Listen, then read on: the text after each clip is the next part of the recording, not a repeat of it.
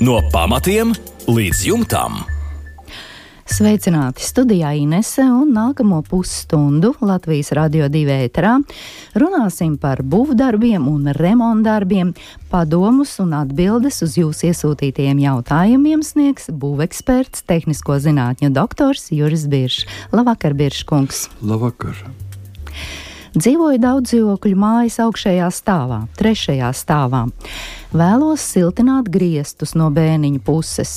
Mums rakstā Enārs. Iegādājos 10 līdz 16 mm keramzītu, un Aināram jautājumi ir šādi. Šobrīd bēniņos jau ir keramzīts, kas nobērts vismaz pirms 30 gadiem. Ko ar to iesākt? Kā pareizi siltināt? Internetā sniegtā informācija, ka vispirms ir jāliek plēve, tad putu plasts, loksnes trīs kārtas un tad keramzīts. Kādas biržkungs ir jūsu domas, ko jūs ieteiktu, kā rīkoties? Un, ja plēve, tad kāda plēve vai membrāna? Šādi ir aināri jautājumi. Nu, šeit ir mazliet kaut kas sagājis galīgi. Galīgi ne tā aināram. Es nezinu, kādā, ko viņš ir skatījis un meklējis internetā, bet nu, tas, ko viņš ir atradzis, ir galīgi galīgi greizi. Nu, Oi, Biržkungs, internetā var atrast visu, ko, ko mm. viens sirds vēlas. Mm. Tāpēc mēs arī esam, lai sniegtu šo pareizo atbildi. Tiešām tas tā laikam arī ir. Jo pirmkārt, daudz, protams, būtu daudz produktīvāk, ja Ainārs būtu pateicis, viņam ir trīs stāv māja. Tātad mēs varam minēt, vai trīs stāv māja ir ar, ar bē, bēniņu, mm, tas ir šie bēniņu pārsegums ir, ir betona vai viņš ir koks. Visticamāk, ka tomēr koks. Trīs stāvu māja. Tad atļauts būvēt trīs stāvu mājas. Viņš varētu būt viss caur no koka, varētu būt arī ar koku pārsegumiem. Un tad stāties priekšā, ja mēs uz koku uzliekam virsmu plēvi un tad siltinājuma materiālu, viss siltums no apakšas nākot, nu, sakrāsies, koks būs pagalām. Tas nozīmē, ka griezt mīl, tāpēc nekādas plēves. Pirmkārt, sākam atbildēt uz Aināru pa punktiem. Pirmā viņš teica, bērnījos jau ir keramzīts, kas nobērts vismaz pirms 30 gadiem. Lai viņš tur paliek, ja jums nav griezti no smaguma, ielo, ieliekušies, un tad ir bez šaubām jāatvieglina šis pārsegums. Bet, ja viņi tādi nav, tad mēs vienkārši šo keramzītu, kas nav e, efektīvākais siltinājuma materiāls, bet nu, jums viņš ir iegādāts. Mēs viņu liekam virsū un tajā zonā, kur ir jūsu istabas. Nu, tā tad neaiztiekot veco keramzītu, liekam jauno virsmu, cik nu jūs esat iegādājušies. Izdalām to vienmērīgi pa visu virsmu. Nu, tā būs arī tā atbilde uz otro jautājumu, kā pareizi siltināt. Protams, ka daudz vienkāršāk būtu, ja jūs būtu iegādājušies, ruļveida akmens vati un vienkārši uzrūlētu vienu vai divas vai trīs kārtās uz savas um, dzīvokļa griestu platības. Un, kad jūs teiksim, ejat projām, jūs varat ņemt savu siltinājumu līdzi. Šoreiz ar keramzītu tas būtu grūtāk darāms. Nu, tas nozīmē, ka viss tās eh, informācija, ko jūs pasmēlaties internetā, ir galīgi nepareiza. Ja? Tātad mums ir jāsaprot, ka vienalga, vai tur ir betons, vai tur ir koks, vai kāda nebūtu konstrukcija, mums ir jāļauj mitrumam iet laukā, ja viņš tur ir bijis. Ja mitrums bija jānoķer apakšā, tad tas bija jādara dzīvoklī, kas atrodas zem bēniņiem. Ja tas nav izdarīts, viņš iet cauri. Cauri betonam vai koka pārsegumam, un tālāk mm, Tātad, nu, vai nu viņu istabs to, to plēvi neliek virs, bet liek apakšā. Liek viņu, nu, kā saka, noķer mitrumu, pirms viņš ir sācis bojāt kādu no ēkas konstrukcijām. Šai gadījumā griezts nebojāt. Mēs viņu istabā veidojam šo plēvi, nosacām ar dekoratīviem griestiem, un tālāk uh, iet mums mūsu, mūsu griestu konstrukcija, pārseguma konstrukcija un siltinājums. Tāpat arī siltinājumu no virspuses neko nenosedzam, atstājam tādu pašu, kāds viņš ir. Pēc diviem gadiem viņš būs, uh, putekļi būs nosēdušies uz virsmas un izveidojuši mazu, ļoti dabisku um, plēvīti, kas viegli laiž cauri mitrumu. Jā, paldies par atbildi Aināram. Nākamā mums ir Harija vēstule. Viens stāv koka stāvbūve, starp sienu atdala apdzīvotu telpu no telpas, kurā neviens nedzīvo, jo tā ir cita īpašnieka īpašums. Ēka ir gan kopīpašums, un šeit nu laikam tā problēma ir radusies. Šī starpsiena ir nomainīta, jo vecie dēļi bija savu laiku nokalpojuši, un pašlaik esošā konstrukcija ir šāda - 70 x 145 mm koka brusu karkas. Neapdzīvotās telpas pusē ir apšūts ar 15 mm spundētu priedes saplāksni. Solis karkasā starp brusām ir 580 mm. Kā labāk siltināt, aizpildīt šo karkasu, jo neapdzīvotās telpas pusē ir augsts un augstums arī iespiežas Harija dzīvoklī. Bija doma karkas aizpildīt ar kokšķiedras vati un pēc tam apšūt ar 15 mm saplāksni, kuram pa virsmu varētu montēt arī ģipškartona plāksnes. Īsti gan nav saprašanas, vai šādu pīrāgu drīkst veidot, un vai būtu jālieto arī tvaika membrāna, jautā Harijs. Lūdzu, iesakiet kādu risinājumu. Jāpiemin, ka ekovati pūst starp sienā, Harijs nevēlas. Tātad ekovati pūšamo neizmantot. Kādus materiālus lietot? Lūk, šāda situācija. Nu, situācija, es teiktu, ir e, diezgan, diezgan parasta situācija. Mēs ar tādu saskaramies dzīvē bieži, bet viņi ir šodien e, šajā stāstījumā un šajā Harija e, situācijā ir ļoti sarežģīta, mākslīgi sarežģīta. Jo īstenībā viss sistēmā ir ļoti vienkārši. Mums ir Stāties priekšā, mums ir telpa, kura sadalīta divās daļās. Viena telpas pusē ir, ir pozitīva temperatūra, kurā dzīvo cilvēks, un otrā telpas pusē nedzīvo cilvēks, vismaz pagaidām. Ja? Tātad mums bez šaubām, ka šī telpas puse būs augsta un augstums nāks iekšā. Tāpēc Atceramies, ka viss vienkāršākais, kas varētu būt, ir no otras puses, šeit ir jāsaprot, ka es saprotu, ka visa siena veidota, eh, Harijs raksta, ka viņi veidot no karkasa, un pateikt, un atstāts karkas ir tukšs. Un tad iznāk tā, ka tam cilvēkam, kas dzīvo, un, nu, Harijs, viņam dzīvo pie, pieder šis siltā daļa, viņam tagad ir visa tā siena. Redziet, īstenībā, īstenībā to sienu jebkurā gadījumā ir jāpiepilda. Vienalga, ar ko mēs viņu piepildām, ar siltumizolācijas materiālu, tas būtu labi. Un, acīm redzot, tas arī būs īstenībā tas risinājums. Jo, ja mums būtu tikai, nu, pieņemsim, ka mums ir tikai OSB plāks nulikt starpā, kādā veidā tagad siltināt? Ja mēs siltinām no kaimiņu puses, tas ir no augstās puses, tad mēs liekam virsū siltumizolācijas materiālu. Un viss. Ja mēs siltinām no savas puses, tad mēs liekam siltumizolācijas materiālu un liekam plēvi priekšā vēl. Ja parādās, parādās teiksim, iedzīvotājs otrajā pusē, tad viņš var ņemt to siltinājumu nost un jūs iztiekat ar, ar vienu OSB plāksni. Ja? Protams, ja tas ir akustiski nepieļaujams, bet nekādas teiksim, priekšsiltinājuma, tad abās pusēs silts un viss ir kārtībā. Tātad šajā gadījumā visvienkāršākais, kas ir jebkurā gadījumā, ir Harijam jāizpild ciet, vai viņš to pilda ar mīkstām košiem plāksnēm, vai viņš to pilda ar koku šķiedru, vai, vai kaut vai ar zāģi skaidām, vienalga, ar ko viņš pilda visu ciet, tad viss pārējais paliek paliek normāls. Nekas nav jādara vairāk. Nekas, nekādā, ne, nekādas plēvis jāliek, nekur nav.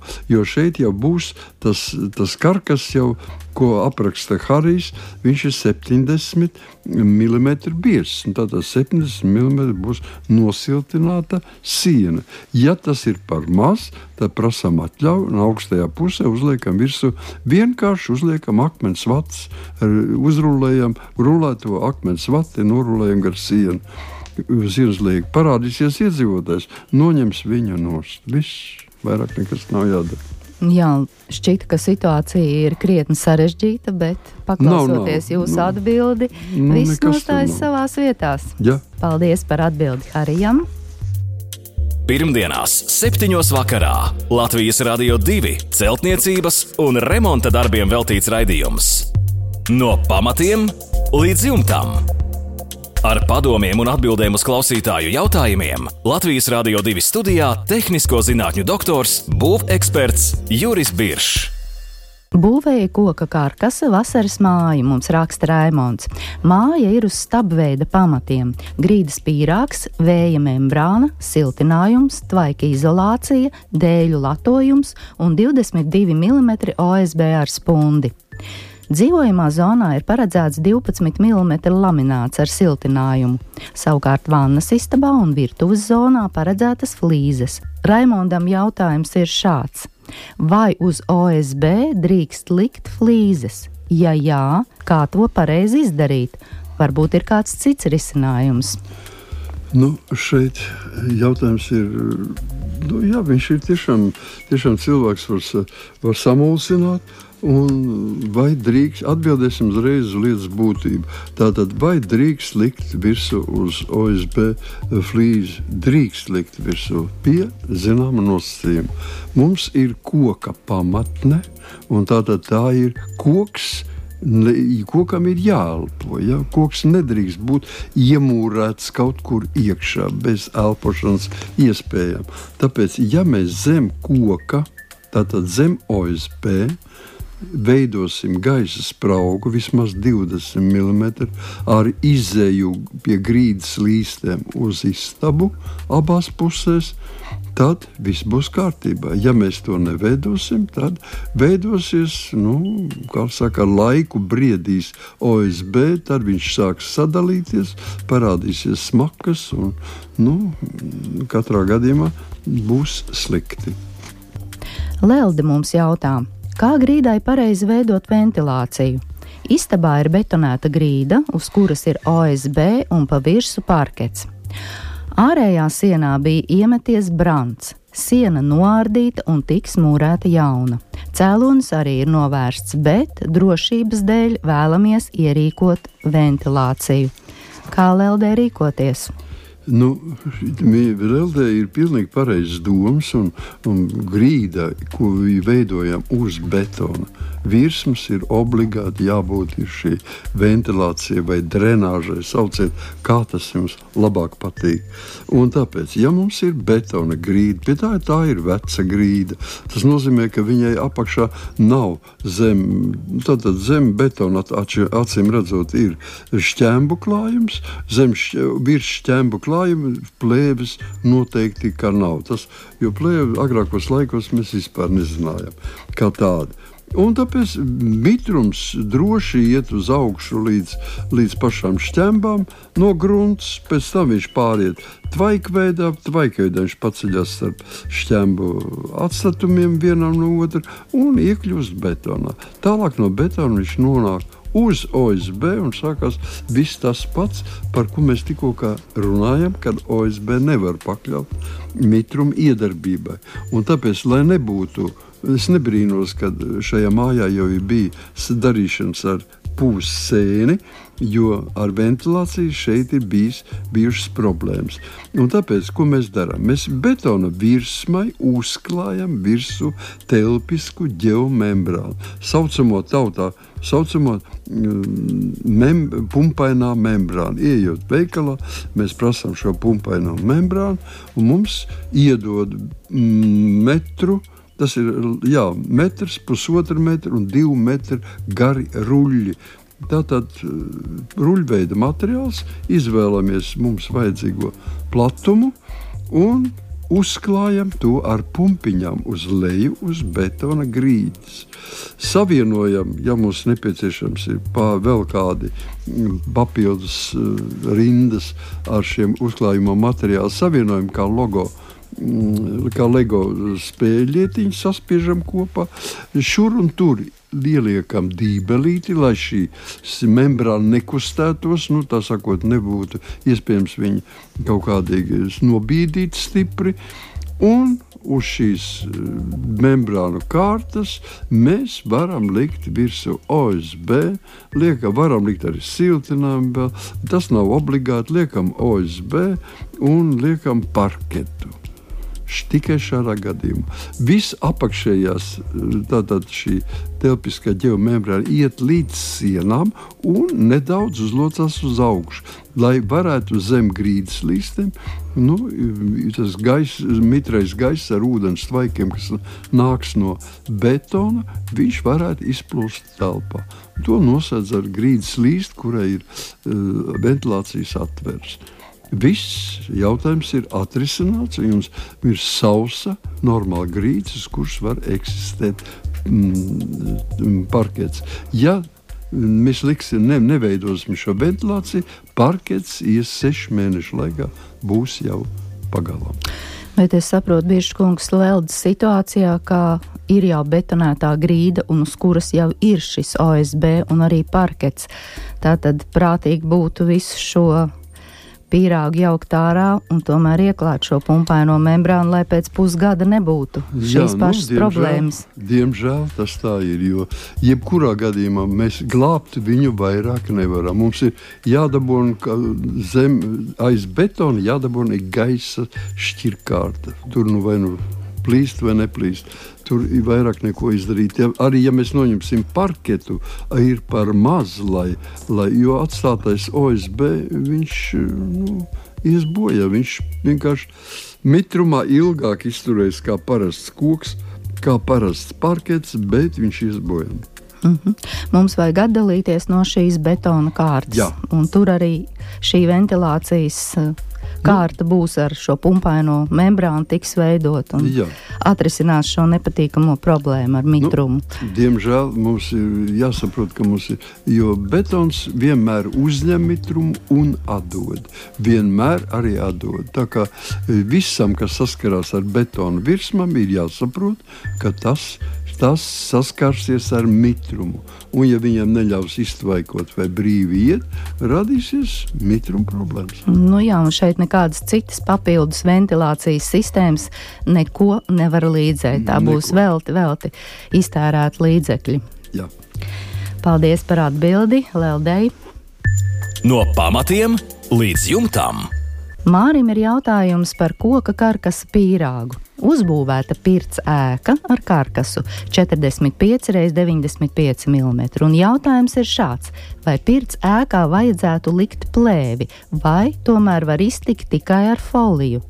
Pīrāgs no ārpuses ir šāds apšuvuma dēlis, ārsienās kokšķiedras plāksnes, 45 x 95 mm karkas, tad vate, kondensāta plēve, 45 x 45 latas, vate folijas, 25 x 45 latas un vagonēlis.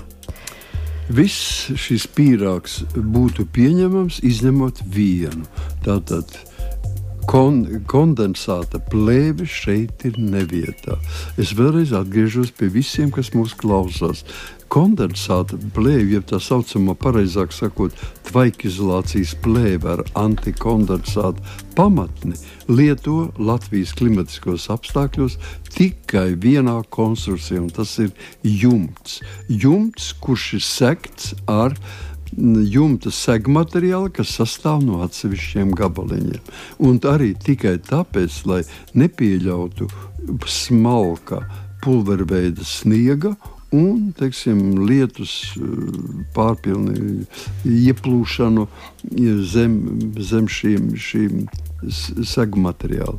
Un tikai vienīgais šim nolūkam. Nekādā gadījumā nepielieto pretkondensātu plēvis, nepielieto ne grīdu konstrukcijās, ne sienu konstrukcijās. Jo ko nozīmē pretkondensāta, jeb antikondensāta pamatne. Viņa uzkrāja mitrumu. Nu, tad parādiet man tādu grīdu, kur vajadzētu uzkrāt mitrumu. Un, jumtā mēs uzkrājām mitrumu, virs, virs gaisa spraugas, par kuru iet strauji, ļoti spēcīga gaisa plūsma, un lai viņš ne, ne, nepilētu uz leju, viņš izžūst. Un mēs viņu turam vienkārši ar šīs pretkondensāta plēves palīdzību. Mēs viņu uzturām, lai viņš turētos un nepilētu lejā. Kur jums ir šādas situācijas grīdā vai sienās? Šādas nav. Tāpēc nomainām kondensāta plēvi ar difūzijas plēvi, ar vienkāršu plēvi, vai ar, ar difūzijas plēvi varēja nomainīt ar vēja plēvi vienalga. Uh mhm. -huh. Un vispārējais tad varētu būt tā, Pārējais, kā arī Mārcis nu, raksta. Jā, nu viņš varētu arī būt tādā pašā, tādā pašā veidā. Es negribu tur, tur, tur var strīdēties par, par atsevišķām pozīcijām, vai viņas ir platākas vai šaurākas, vai, bet viņas viss ir, ir, tas nav krimināls. Tā var, var veidot. Viena ir pareizāk, otra mazāk pareizi. Bet tagad katru iztirzāt atsevišķi, es domāju, ka mums vienkārši nepietiks laika. Tāpēc, principā, principā krimināli neredz, var likt, izņemot kondensātu plēvi. To tur likt iekšā nedrīkst. Paldies par atbildi Mārim. Līdz ar to šovakar raidījums izskan. Paldies jums par iesūtītajiem jautājumiem. Vēlreiz atgādināšu mūsu e-pasta adresi remonds at lr2.lv.